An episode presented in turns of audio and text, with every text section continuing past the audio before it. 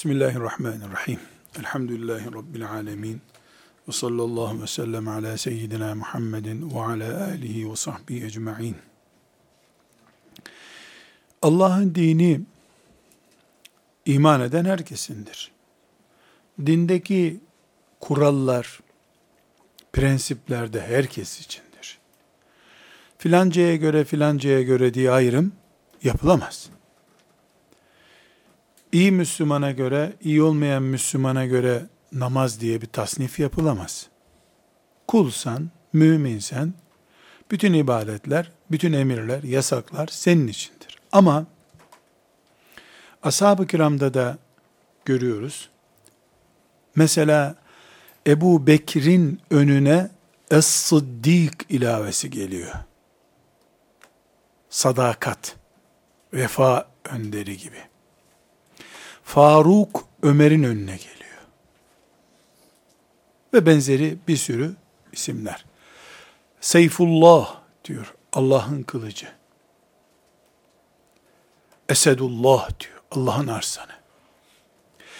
Ebu Bekir'e Sıddık dendiği zaman Faruk'ta Sıddık'ın karşılığı vefasızlık mı var? Ömer Faruk'tu hakla batılı ayrıt eden adamdı. Ebu Bekir ayrıt edemiyor muydu? Elbette böyle denemez. Bir bütün olarak o ortak payda da hepsi sıdkiyette, faruklukta, e, Seyfullahlıkta, Esedullah'ta hepsinin bir ortak paydası vardı. Biri bir alanda biraz daha sivrilmiş gibiydi. Onun sivrilmişliği diğerlerinin geri kalmışlığı veya o özellikten mahrumiyeti anlamına gelmiyordu. Ashab-ı kiram örneğinden ele aldığımızda. Sabır kelimesi ve alimi birleştirmeye çalışıyoruz.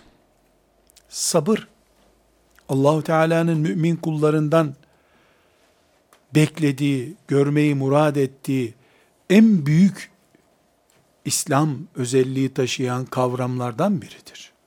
Sabırsız mümin olamaz. Sabırsız insanlık olmaz ki müminlik olsun.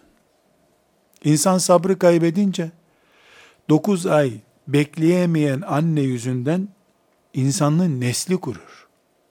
Sabrettiği için analar insan olarak doğduk biz. Sabrettiği için babalar gün oldu, büyük adamlar olduk. İnsanlık olmaz ki sabırsız, İslamlık olsun. Bütün müminler sabretmek için adaydırlar. İmanlarında bir iddia sahibi iseler eğer.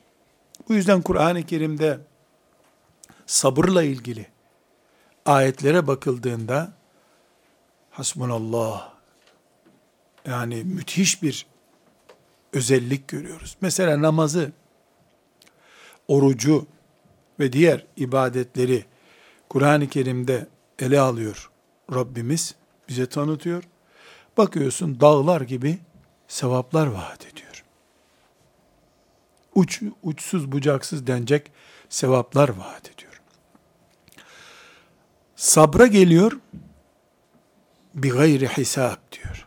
Sabrın hesabı yok diyor. Neden ama? Çünkü sabah namazına kalkmak için sabır sahibi olmak lazım. Ana formül namazda da sabırda bitiyor. Oruçta mükemmel bir oruç için sabır lazım. Cihatta sabır lazım. Sabrı kaldırdın mı? Burada çok önemli bir nokta arkadaşlar. Bunun not tutanlarımız altını çizsinler. Sabrı kaldırdın mı kulluk denen her şey kalkıyor. Hava gibi, su gibi.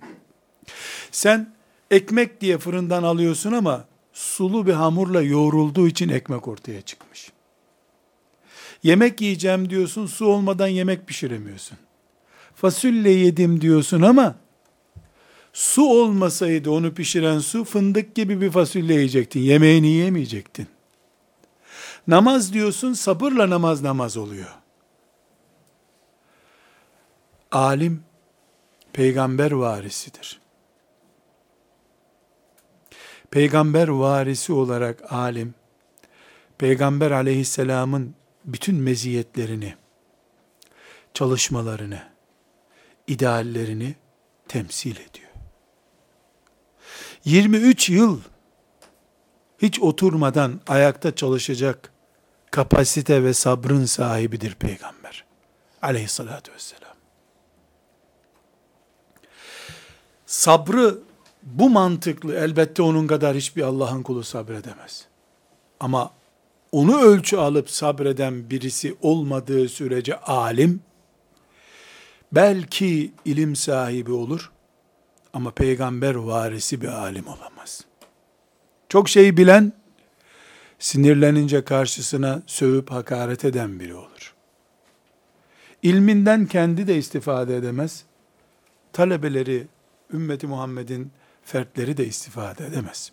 Bu sebeple sabır kelimesi şu kainatta en çok kime yakışıyor dendiğinde Peygamber aleyhisselama yakışıyor denir. Uygulamasında da gördük zaten. Taif'teki duası Efendimiz Aleyhisselam'ın Allahümme eşku ileyke da'fe kuvveti diye başlayan duası. Derdimi sana açarım Rabbim. Çaresizliğimi sen anlarsın diyen o duada sabır örneği yok da ne örneği var?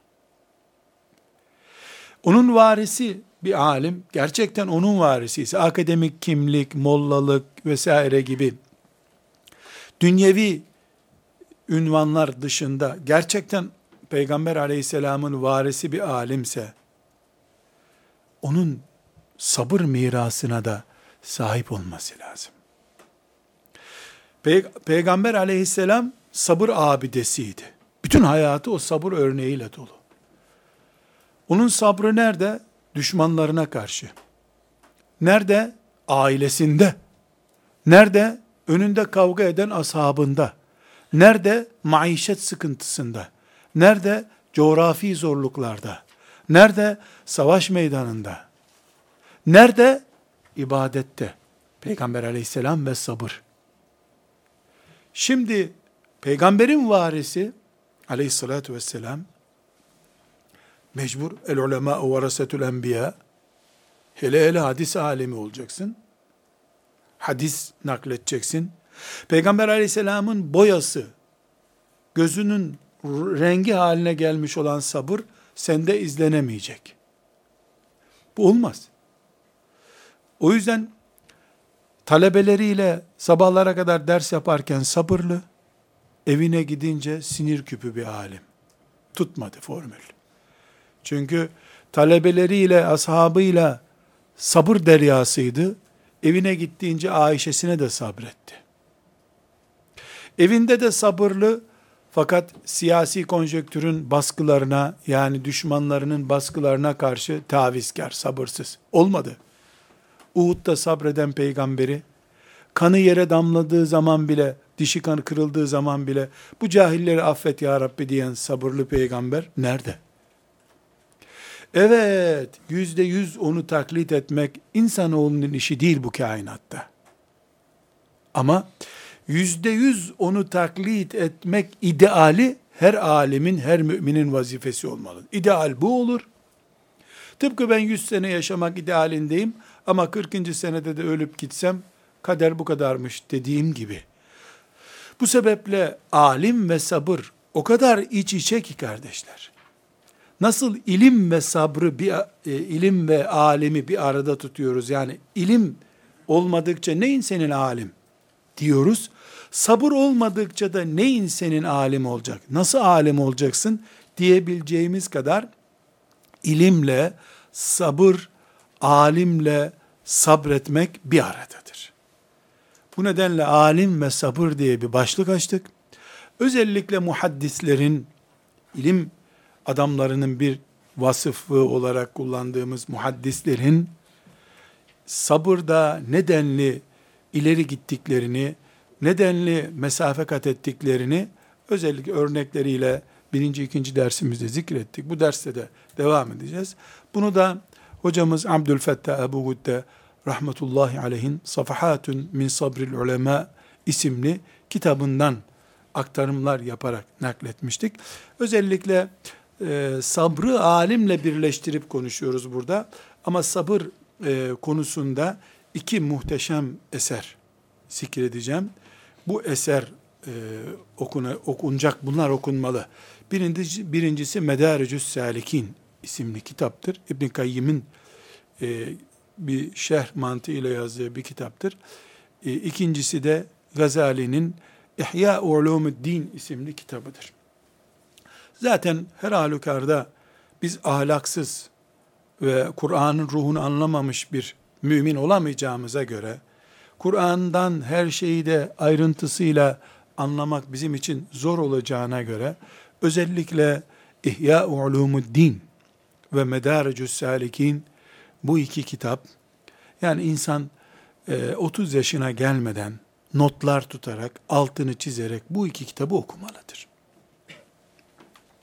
İbn Kayyım rahmetullahi aleyh e, Selefi menşeli bir birisidir. İbn Teymiye'nin talebesidir bildiğiniz gibi ama bu kitabı tasavvuf kitabıdır.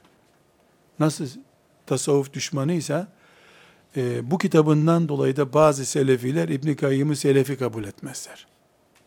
Çünkü burada tasavvuf ruhu veriyor özellikle. İmam Gazali'nin İhya Ulumuddin'ini hepimiz tanıyoruz ama İhya Ulumuddin'in arkadaşlar özellikle bilinmesi gereken bölümü iki noktada zafiyeti vardır İhya Ulumuddin'in. Birincisi hadis ilminde özellikle e, İmam Gazali e, yani muhaddis değildir. Zayıf hadis, yer yer mevzu hadisler zikreder. Yani bunu bilmekte fayda var.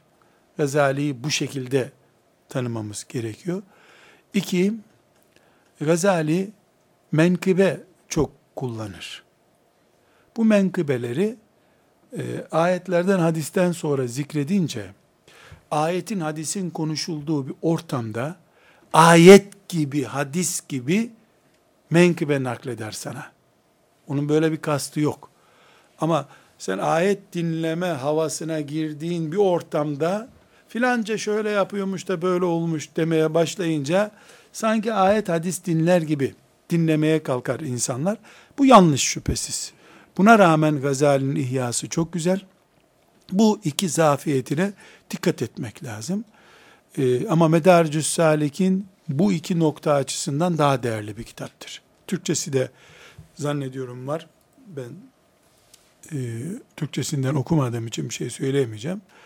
Her halükarda bu iki kitabı insan kürsülere çıkmadan önce, talebe yetiştirmeye başlamadan önce okumalıdır. Bu iki kitabın sabır bölümü çok değerli.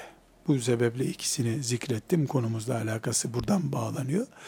Ee, sabır dinimizin mümin yetiştirme ham maddelerinden biridir. Bu konuda kültürümüz olsun deyip bu noktaya girdik. Biz tekrar hocamız rahmetullahi aleyhin Safahatun min sabril ulemadan nakillerine geçiyoruz. Bu nakillerden sonra da inşallah hocamızın e, 20'ye yakın biraz da fazla noktada ilim, sabır, alim ve sabır kelimelerinin bugüne nasıl yansıması gerektiğini anlattığı değerlendirmelerini göreceğiz. Hocamız rahmetullahi aleyh 97'li yıllarda yani 90'lı yılların sonunda vefat etti. Dolayısıyla Twitter, cep telefonu, e, akıllı telefon, akılsız bilgisayar böyle şeyleri görmedi Hoca Efendi. En son benim gördüğümde de e, böyle bir A4 kağıdı gibi bir cam gözlüğü vardı. Kitabın üstüne onu koyarak okuyabiliyordu. Yani teknolojiyi ancak o gözlükle hocam yakalayabilmişti. Ee, ama üniversitelerde, ders halkalarında gördüğü manzaraları, talebelerin manzaralarını ashab-ı kiramdan itibaren sabırla hamur gibi yoğrulmuş alimlerin manzaralarıyla karşılaştırıyor. Bu değerlendirmeleri çok önemli hocamızın. İnşallah bu e, zikrettiği mülahazalardan sonra e, inşallah o sözünü ettiği değerlendir ettiğimiz değerlendirmeleri beraber okuyacağız.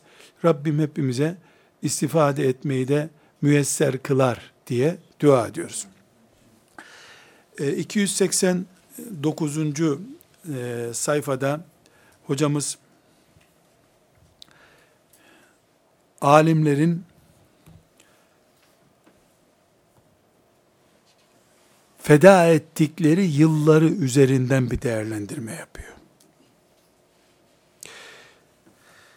Ma'mer İbnül Müsenna isimli bir zatı naklediyor. Bizzat kendi e, ağzından Ma'mer İbnül Müsenna'nın e, Yunus isimli şeyhine yani hadis hocasına tam 40 yıl aralıksız derse gittiğini söylüyor. 40 yıl. 40 çarpı 365 gün arkadaşlar. Neredeyse bir insanın memur olsa emekliliğinin iki katına yakın bir zaman. Bir hocanın dersine gitmiş. Ve bundan da herhangi bir şikayeti yokmuş. Hocamız bunun dipnotunda genel olarak toparlayarak söyleyeyim. Diyor ki 40 yıl bir hocanın dizinin dibine çöken insanlar alim oldu. 40 günlük hızlandırılmış kurslara gidenlere mi alim diyeceğiz şimdi diyor.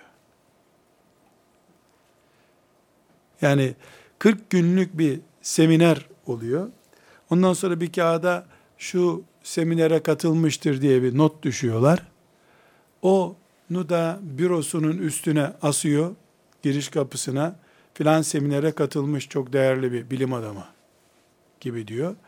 40 günlük seminerler ve 40 yıl bir hoca efendinin, alemin dersine katılmak. Şüphesiz bütün alimler 40 sene bir hocaya gitmediler. Onlarda da 40 gün gittikleri, 15 gün gittikleri hocaları da oldu.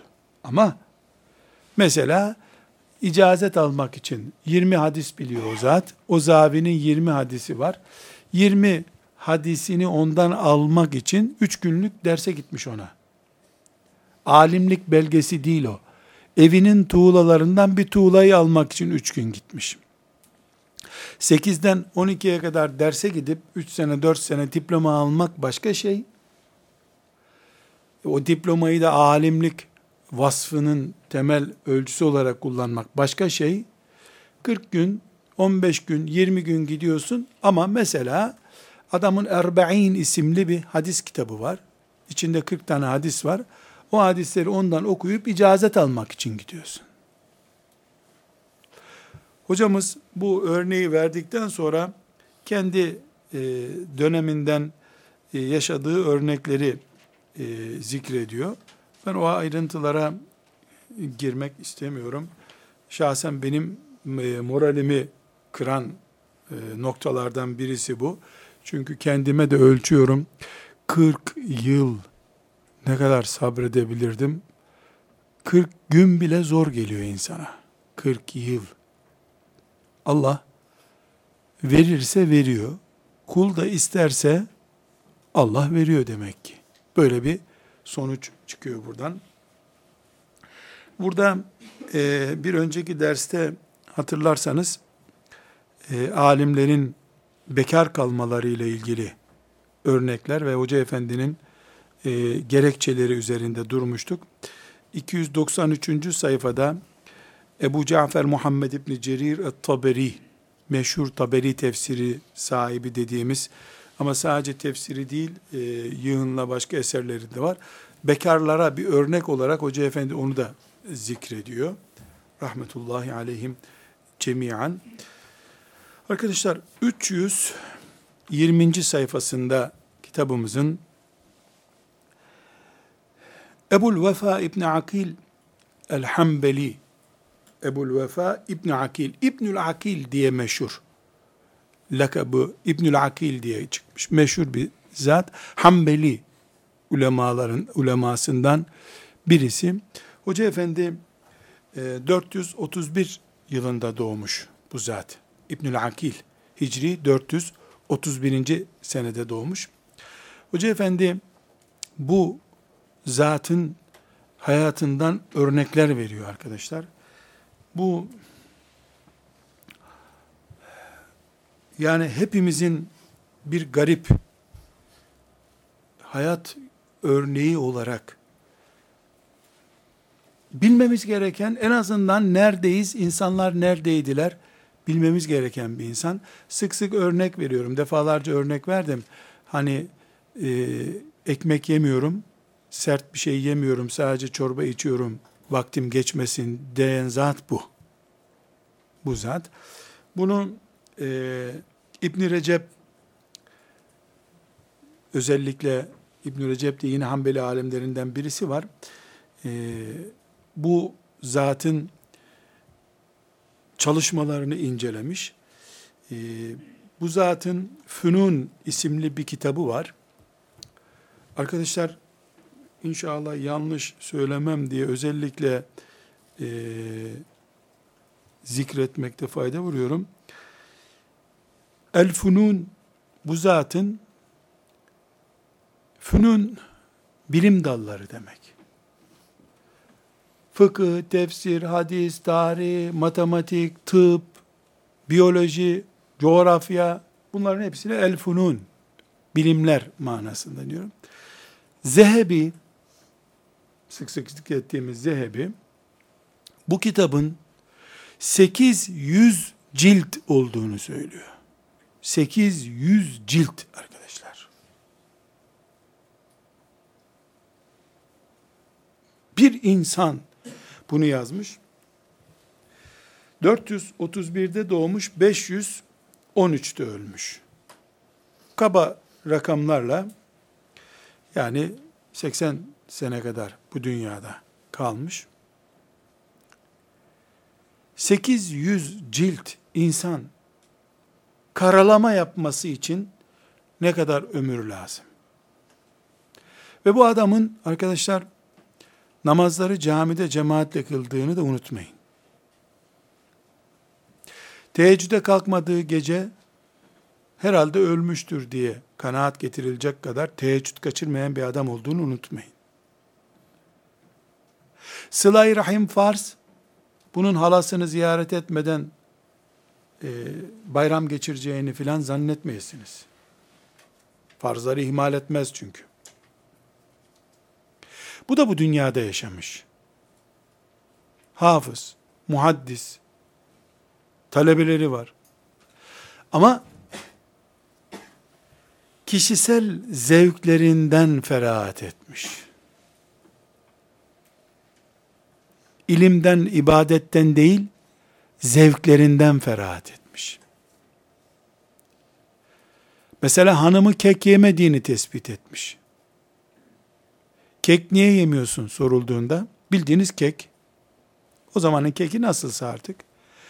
Bunu çiğnemek gerekiyor. Çiğnerken vakit israf oluyor. Çorba bundan daha iyi demiş.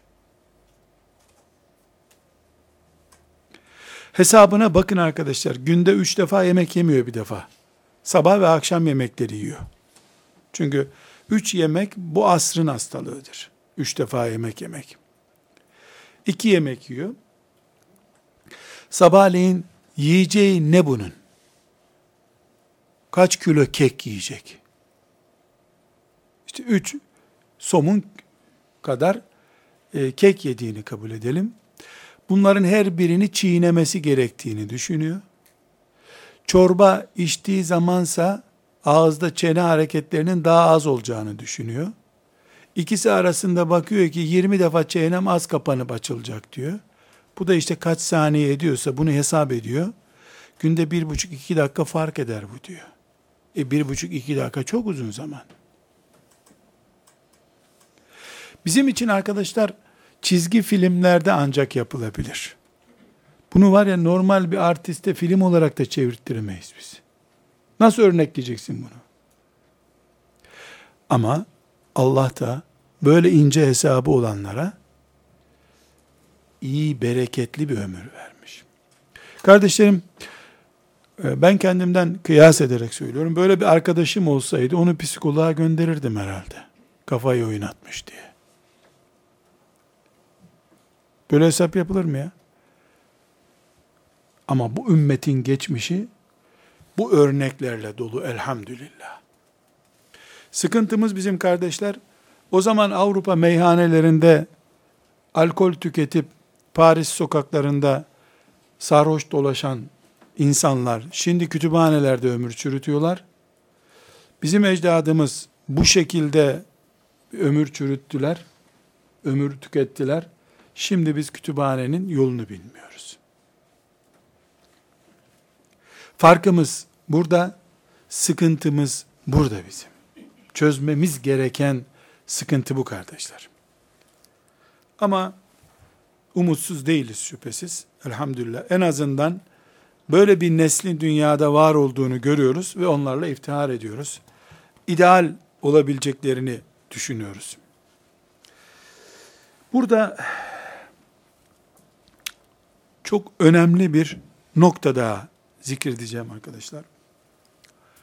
Bu benim hocamın sağlığında kendisinden de dinlediğim bir meseleydi. Burada size de bunu nakletmek istiyorum. Kitabımızda 325. sayfada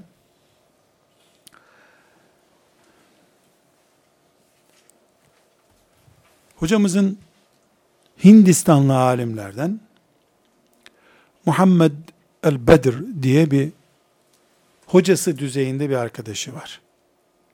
Yani e, hocamızın bizzat ders okuduğu biri değil ama Hindistan, hocamız Hindistan'a çok gidip geliyor. Hanefi alimleriyle karşılaşmak için Ebu, Ebu Gütte Hoca Efendi.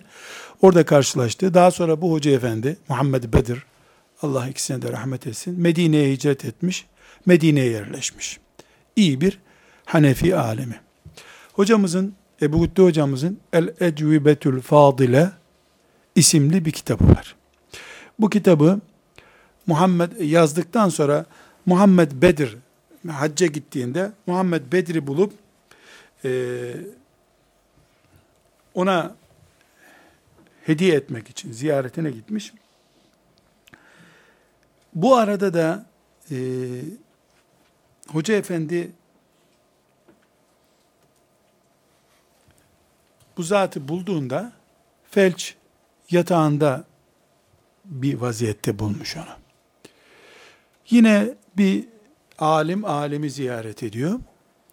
Yani o, o Muhammed Bedir de ağır yaşta artık ölmek üzere olan bir hasta.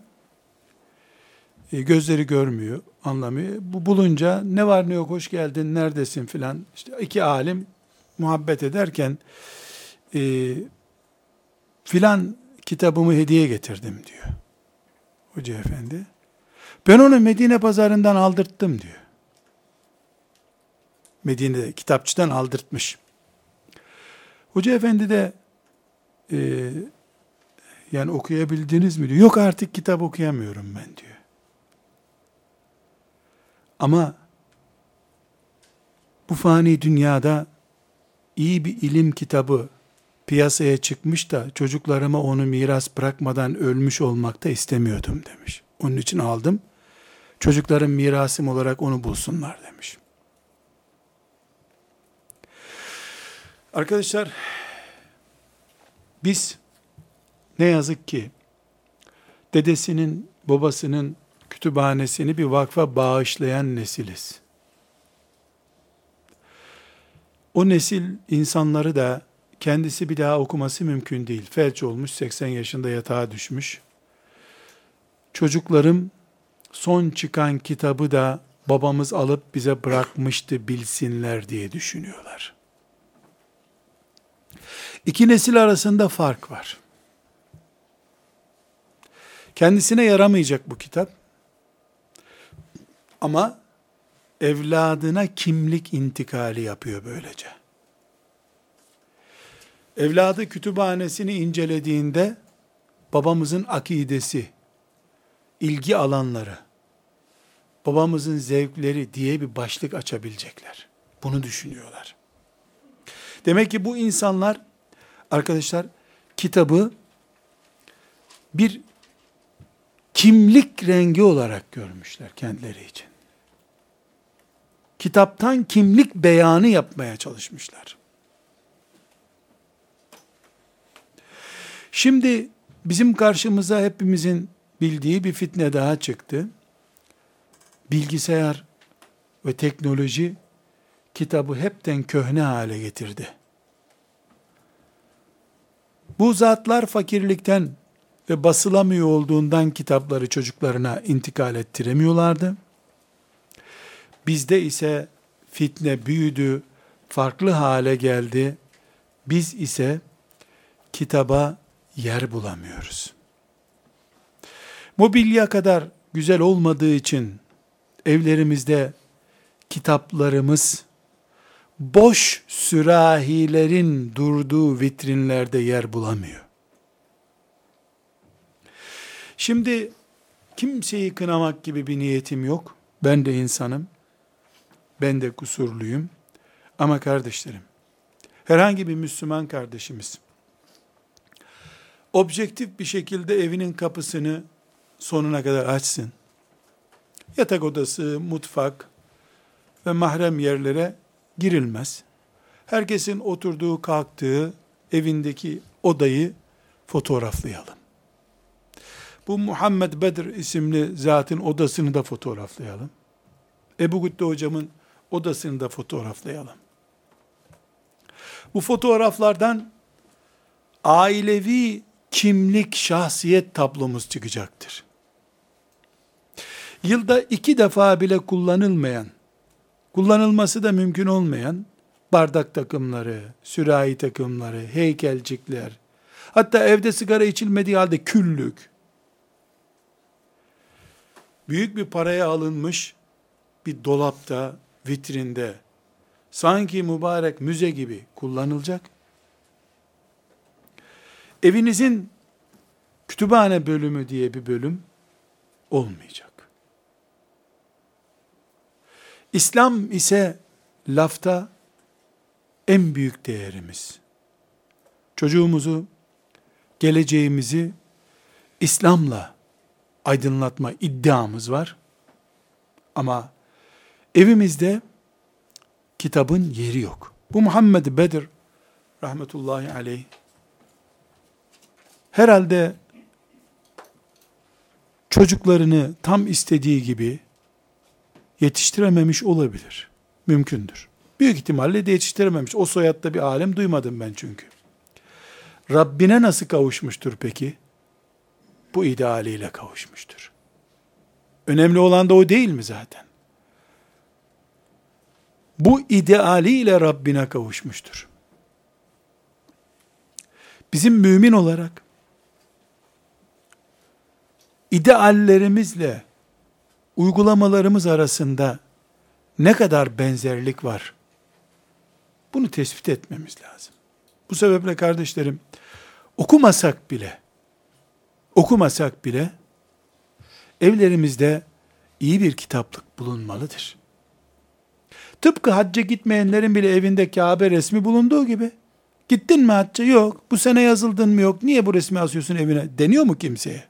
Sevdamız belli olsun diye Kabe'nin Ravza-i Mutahhara'nın resmini evimize asıyoruz.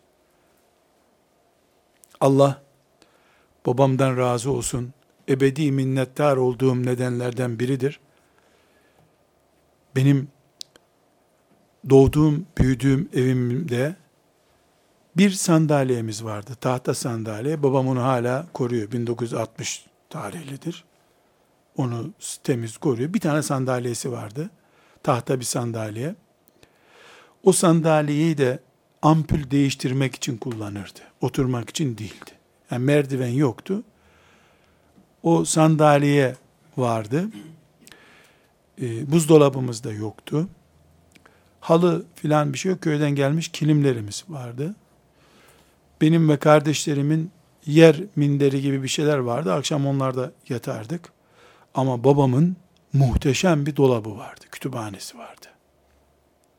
Muhteşemdi kütüphanesi. Hala babamın 1966'da ben henüz e, alfabe bile bilmediğim zamanda ki kitaplarının isimlerini biliyorum. Hulasatül Beyanı kırmızı renkli deri meşin bir kitaptı. O onun tefsiriydi. Hazin tefsirini hatırlıyorum. Mültekasını hatırlıyorum. Çünkü çocuğum zaten küçücük iki odalı bir evimiz var. Yatak odası, oturma odası, gezme odası hepsi aynı. Ee, bir tek cazip bir dolabı vardı babamın. Sonra telefon aldı. Telefonu o dolaba koydu. Kilitliydi, camı kilitliydi dolabın. Yani tutmayalım telefona biz çocuklar diye. Ee, o telefonu koymak için de 5-6 cilt kitabı yer bulmak zorunda kaldı. Onu kütüphanenin üstüne koydu bu sefer kitapları. Çok iyi hatırlıyorum. Ben 8 yaşındayken pazara gittim. Kendimi teşhir için anlatmıyorum kardeşler. Bildiğim e, şeylerin en iyisi olduğu için anlatıyorum. Üzüm kasaları, tahtadan da o zaman kasalar. Pazarcılara yalvardım. Onlar da niye yalvarttılar beni bilmiyorum. 5-6 tane kasa aldım. Eve geldim. Kirli mirli üzümlü şeyler işte çürük üzümlü şeyler. Onları böyle üst üste koyup kütüphane yaptım. Kitabım da yoktu üstelik. Onları kütüphane yaptım. Annem bu pis şeyleri niye getirdin dedi. Babamın dolabı gibi dolap yaptım dedim. Allah babamdan razı olsun. Oyuncak olarak o pis şeyleri yattığım yere koyduğum için de annem bir sürü azarladı beni. Zaten akşam çıkarılması gerekiyordu. Onları koyunca benim yatağımı serecek yer kalmamıştı. Çıkarttık onları attık. Sonra ben yine onlardan daha sonra dolap yaptım kendime. Kömürlük gibi bir yerimiz vardı. Oraya koydum onları. Kitabım yoktu ama. Kemalettin Tuğcu'nun romanlarını buldum bir gün. Onları koydum. Doldurmuyor hiçbir yeri. incecik kitaplar. Oyun olarak, mobilya olarak, zevk olarak babamın kütüphanesinden başka bir şey görmediğim bir ev, Allah babamdan razı olsun, beni bugün kitap sevdalısı olarak yaşamaya mecbur etti. Çok daha basit bir örnek vereyim. Babamın Hulasatül Beyan fi Tefsiril Kur'an isimli o kitabı hala duruyor kütüphanesinde. Çok kaliteli bir cildi vardı. Böyle meşin cilt, e, muhteşem bir cilt. Dünyanın neresine gitsem ilk kütüphaneleri geziyorum. Kitapçıları geziyorum. Hep o kalitede cilt arıyorum. Onun dışındaki ciltlere para verilir mi diye geçiyor içimden. İlk göz ağrım, ilk göz zevkim. Hukuk-u İslamiyesi babamın tek Türkçe kitabıydı. Ömer Nasuhi Bilmen'in. Kütüphanesine başka Türkçe kitap sokmuyordu. Onu değerli buluyordu.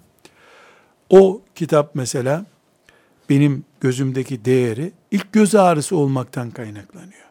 Kütüphanemin üstünde şu anda onu kullanmayacak durumda da olsam belki ondan iyileri de elime geçtiği için kütüphanemin köşesinde duruyor ama. Burada Muhammed Bedir rahmetullahi aleyhin çocuklarım bu kitabı da görsünler kütüphanelerinde. Ben okumayacağım ama okuyup ilminden istifade edecektim. Varlığı karakter olarak çocuğuma intikal edince ben gene istifade etmiş olurum. Tarzındaki mantığa kendimden örnek veriyorum arkadaşlar. Bu sebeple dersimize şöyle küçük bir ilave gibi olacak ama inşallah berekete vesile olur. Müslümanın evi, genç kızların gözündeki kocasıyla paylaşacağı ev hayali, kıyamet günü utanılacak bir ev olmamalıdır. Utanılacak ev olmamalıdır. Pencereleri kapatacak kadar perde olmalıdır evde. Perdenin perdesi olmamalıdır. Halı soğuğu kaplamak için ayak basınca üşümesin çocuk diye olmalıdır. Zinet olarak ayak altında süs olmamalıdır. Ve evlerde bardağın konduğu dolap olmamalı. Mutfağın bir köşesinde durmalı bardaklar. Gelen ben mesela mükemmel bir insan olarak örnek verdiğim için değil Allah muhafaza buyursun. Öyle bir örnek vermiyorum. Ben babamın evinde Trabzon'dan İstanbul'a hicret etmiş biri olarak işte Trabzon bakır işlemesi, kaplar, çanaklar hatırlasaydım bugün benim zevklerim başka olacaktı. Benim babam da herhalde Trabzon'dan gelirken leğen, meğen bir şeyler Trabzon yapımı, bakır işletmeleri falan bir şeyler getirmiştir herhalde. Bir fincan takımı, mesela o zamandan kalma fincan takımı duruyor babamın. Ben hiç onu görmedim. Nerede durduğunu da bilmiyordum. Şimdi de bilmiyorum nereye koymuştur onu. Kalbinde olmayan şeyi gözünün önüne koymamıştı o. Ve ben onun kalbinde olan şey gözünün önünde kütüphanesinde dururdu. Ben onu gördüm. Ve o kütüphane adeta böyle ziyaret saatlerinde ancak girebildiğimiz bir yerdi. Ödü patlardı babamın. Yani bir kitabına bir şey olur düşürürüz diye. Tavsiyem hanım kızlarımıza, hanımefendilere, genç mümin kardeşlerime, yaşlılara bir öneride bulunamayacağım. Çünkü bu aile huzursuzluğuna neden olur. Evimizde böyle bir düzenleme yapalım der. O yaştan sonra ailelerinde mahkeme kapılarında sürünmesinler. Çünkü kadınlar o bardakları koyduğu rafları feda edemezler. Ben de kitaplarımdan vazgeçmem. Herkes kalbindeki putlaştırdığı, yücelttiği şeyin kıymetini biliyor arkadaşlar. Kadınların ziyaretgahı onlar. Gelince komşusu diyecek kız bunu ne zaman almıştınız siz? Soracaklar. Bütünü o. Bütün o. Ne zaman almıştınız? Düğünümde filancalar getirmişti. Ay çok güzel maşallah. Tamam bitti. Güle güle. Bir daha geldiğinde bu o şey hediyesiydi değil mi? Ha diyecek tamam. Yok ne için kullanılır ki başka? Ne için kullanılır ki? Bu sebeple kardeşlerim evlerimiz belki cihat evi olmadı diye ya ne yapayım ya Rabbi yapamadım diyebiliriz ama evlerimizde yüreklerimizde yabancı sevdaları gösterecek şeyler olmamalı. Şu İbnül Akil'in yaşadığı dünyada yaşıyoruz biz. İbnül Akil de 800 800 ciltlik kitabından bir takım satsa herhalde bir ev alırdı. 800 cilt ya. Kaç kütüphaneye dağılmış ki parçaları bulunamıyor hala. Ama görenler olmuş. Yani kendi reklamını yapmıyor. Benim ağabey tavsiyem evimizde mushaf dolaplığı diye bir dolaplık olmalı. Mushaf dolaplığı. Mushafımız öyle kütüphanenin farklı bir köşesinde de olmayacak. Küçük bir musaf dolaplı evin en müstesna köşesinde kıbleye dönen tarafında olabilir. Evin konumuna göre veyahut da e, evde böyle çok ayak altı durmayacak, çocukların çarpmayacağı bir musaf dolaplı. Burada yaşlı her evde kaç yaş, kaç yaşında kaç insan varsa altı nüfuslu bir evde altı musaf olmalı. Yaşlının musafı büyük olmalı. Musaf mealleri de onun alt rafında olmalı. Kur'an kitabımız ama kütüphane kitabı değil. İman kitabımız bizim. O farklı bir yerde olmalı. Sonra evimizin imkanları, maddi imkanlarımız hepsinin ortak paydası bulunup bir kitaplığımız olmalı kardeşler. Bu kitaplık bütün Arapça kitapların toplandığı bir kitap değildir. Senin istifade ettiğin, evin ikinci bireyinin istifade ettiği, çocuklarımızın okuduğu kitaplar olmalı. Bunlar işte senin ilgi alanın nedir? Tefsirdir. Tefsir olabilir. Akidedir. Akide kitapları olabilir. Ama evlerimizde bir kütüphanemiz olmalı. Okumuyoruz. Okumaya vakit yok. Olabilir. Muhammed Bedir'de okumuyordu. Okuma imkanı olmayan bir zamandaydı. Ama çocuklarıma miras bıraktığım şey beni yansıtacak diyor. Babamızdan kalan şey, izi sürülecek davamız şeklinde algılayacaklar. Muhakkak ki öyle olacak. Ben arkadaşlar kendimden niye örnek veriyorum? Doya doya hazmede ede bunu söyledi, söyleyebilmek için. Kendimden görüyorum. Ne diyorum? Hulasatül beyan. Fi tefsiril Kur'an. Mehmet Vehbi'nin tefsiridir. O zat da sevmem. Çünkü tefsirini bitirirken bu tefsiri filanca zata ikram ediyorum, hediye ediyorum diye e, Allah'ın sevmediği bir adama hediye etti tefsirini. O yüzden ben onu sevmiyorum. Ama Osmanlı harflerle yazılı olduğu için de babam onu okuyordu. Hoşuna gidiyordu. Ben onu kütüphaneme koymadım. Ama cildine hayranım. Hala bütün kitapların cildinin o kalitede olmasını istiyorum. Bu bir eğitim arkadaşlar. Eğitim. Bu bahsettiğimiz İbnül Akiller böyle bir heyecanı kendinden önceki nesillerde gördükleri için bu yola girdiler. Ashab-ı kiramın kitabı kütüphanesi yoktu ama kitaplaşmış kafaları vardı. Allah yazma e, fırsatı verince mesela Hicri 120. yıllardan itibaren İslam diyarında baya böyle bugünkü bildiğimiz kağıt bolluğu oluşmaya başladı. İlk 100 sene hep ezbere dayanıyor her şey. 100-120. yıllardan itibaren kağıt ithal edilmeye başlandı. Harun Reşit zamanında da 180'lerde, 190'larda da kağıt fabrikası Bağdat'ta kuruldu. Efendimiz'den 180-190 sene sonra kağıt fabrikası kuruldu. O kağıt fabrikasının ürettiği kağıtlarla artık İslam toprağı bütün e, kitaphane, kütüphaneye dönüştü. Bir e, karakter meselesi bu. Çocuklarımıza çok kitap oku, arkadaşlarımıza kitap okuyalım demekten, bunun e, sözünü yapmaktan önce uygulamasını ve pratiğini gösterme açısından bunu zikrediyorum. Arkadaşlar 346. sayfada hocamız İbn Asakir e, Dimeşki'den Hafız Ebul Kasım İbn Asakir Dimeşki rahmetullahi aleyh bu zattan söz ediyor. İbn Asakir Dimeşki arkadaşlar doğum ölüm tarihlerini veriyorum. Çok önemli. Şimdi anlattığımız şeyleri 280 sene yaşamış bir adam yapar zannediyoruz. Mesela bu zat 499 yılında doğmuş, 571 yılında vefat etmiş.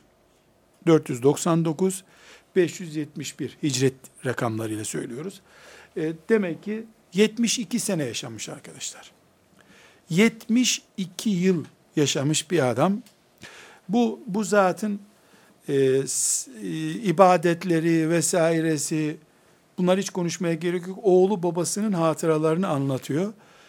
Bir tekkeye çekilmiş 24 saat namaz kılan bir adam gibi görüntü veriyor. Kur'an okur, teheccüd kaçırmaz, akraba ziyareti ihmal etmez, e, kitap yazar. Arkadaşlar buraya bir derste getirmiştim. Tarih-i Dimeşk isimli bir kitabı var. 82 cilttir.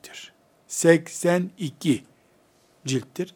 Tarih-i Dimeşk, Dimaşk'ta, bugünkü Şam dediğimiz şehirde doğmuş veya orada yaşamış veya orayla ilgisi bulunan ümmetin büyüklerinin biyografisinin anlatıldığı bir kitaptır. Ve ilk Dimaşk ziyaretçisi de Efendimiz sallallahu aleyhi ve sellemin bir ticaret gezisi için oraya gelmesi ile hani sirette biliyoruz ya Efendimiz gitti Buhayra ile karşılaştı. Dimaşk bölgesinde bir iş olduğu için ona göre tarihte öyle başlıyor. Hazreti Ömer gelmiş oraya mesela onu zikrediyor. Bu arada yüzlerce binlerce hadis geçiyor kitabında. Çünkü filanca geldi burada şu hadisi okudu diyor. Bugünkü teknolojiyle arkadaşlar, bugünkü teknolojiyle Dimaşk gibi büyük bir şehir değil. Çorum gibi bir Anadolu şehri. Çorum. Veya Kayseri de çok büyük bir şehir. Çankırı gibi bir yer. Orta Anadolu'da bir şehir düşünün. 200 senedir ki bu 499'da doğduğuna göre e, Efendimiz sallallahu aleyhi ve sellem'inden başladığına göre 400 yıl içinde oraya gelip gidenlerin ve orada yaptığı konuşmaların kitabını yazıyorsun. Çorum için buyursun 200 kişilik bir heyet bunu yapsın arkadaşlar. Ama bir şartla. Ömer geldi. Dimeşk'te dolaşırken bir kadınla karşılaştı diye bana bilgi vereceksin. Bir şartla. Kimden duydun? O kimden duydu? O kimden duydu? Herkesi belgeleyerek konuşacaksın. Tarih-i Dimeşk onu yapıyor. Kimden duyduğunu, onun kimden duyduğunu, onun kimden duyduğunu, sonra alimler oturuyorlar. İbn Asakir'in bu rivayeti sahih değil diyorlar. Yanlış adamdan duymuş. Buyurun 100 kişilik bir akademisyen grubu Çankırı'da 100 yıldır konuşulanları tespit etsin. Bugünkü teknolojiye rağmen. Çankırı'da sabah diye gazetede vardır orada Allah bilir. Günlük onları matbaadan alsan, arşivden alsan zaten çoğu bedava karşına çıkıyor. Buna rağmen buyurun. Bir üniversite araştırsın. Arkadaşlar ömürlerini Allah için geçirmiş bu insanlar bir alemler. Bir muhteşem uzay cismi gibi yaşamışlar bu dünyada. Allah onlardan razı olsun. Oğlu Bahavuddin e, El-Kasım, o da babası gibi muhaddis birisidir. E, babasının özelliklerini anlatırken bakın ne diyor. Bu bahsettiğim 82 cilt kitabı yazmış. Ama arkadaşlar bu bunun e,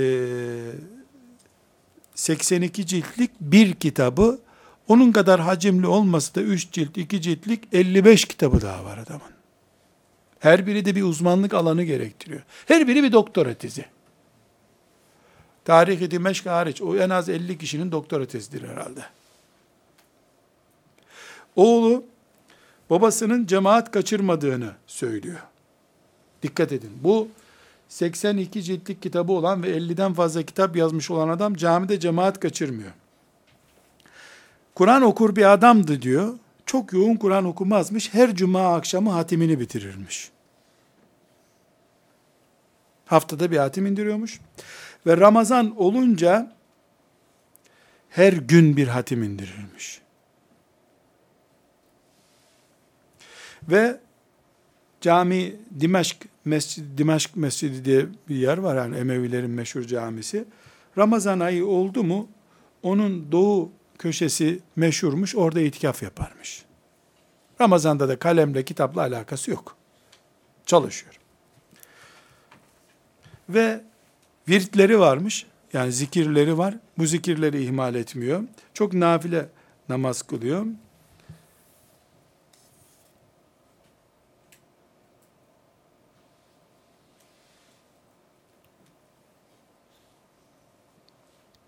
Gerisini arkadaşlar yani zikredip moralimizi kırmayalım. Başka bir alemden gelmiş gibi birisi yani hangi birini zikredeyim? Hocası icazet verdikten sonra ona mesela çok önemli oğlunun hatırası. Ee, 35 yaşlarında filan icazet almış. Sen artık tamamsın demişler. Çalışmayı haram kabul etmiş kendine ondan sonra. İş yapamam ben artık demiş bana icazet verildiğine göre ben ümmetime ilimle hizmet edeceğim demiş ve çalışmamış bir daha. Bakış tarzı. Ticaret, ziraat bir şey yapamamış. Yani her şeyini zikretsek e, çok ya o uçuk kalacak ya biz uçuk kalacağız. Ortasını bulalım. Ne o uçuk kalsın ne biz uçuk kalalım. Kardeşlerim elbette Rabbimiz bize bu kapasitede çalışmayı lütfetmediyse zorla olmaz bu. Ama cennette zorla ben gireceğim yasal hakkım diye girmeyi iddia edeceğimiz bir yer değil. Ne yapıyoruz? Cennet için bocalıyoruz, gayret ediyoruz, çırpınıyoruz, düşüyoruz, bir daha kalkıyoruz, düşüyoruz, bir daha kalkıyoruz. İlim ve adamlık da böyle olmalı. İbn Asakir gibi elbette büyük iddia. Zaten yani ömrümüzün önemli bölümü 35 yaşında o icazet almış. Biz 35 yaşında yeni başladık daha. Ama Rabbim insanları yaptıklarına göre değil, niyetlerine göre diriltecek. Kalplerindeki heyecan beyinlerindeki sevdaya göre yönet Allah diriltecek. Benim kanaatim kardeşlerim, bilhassa hanım talebelerimiz, özellikle onlar için tekit ediyorum, annelerinden, teyzelerinden, başka hikayecilerden, duydukları şeylerle insanlar kendilerini küçük görüyorlar.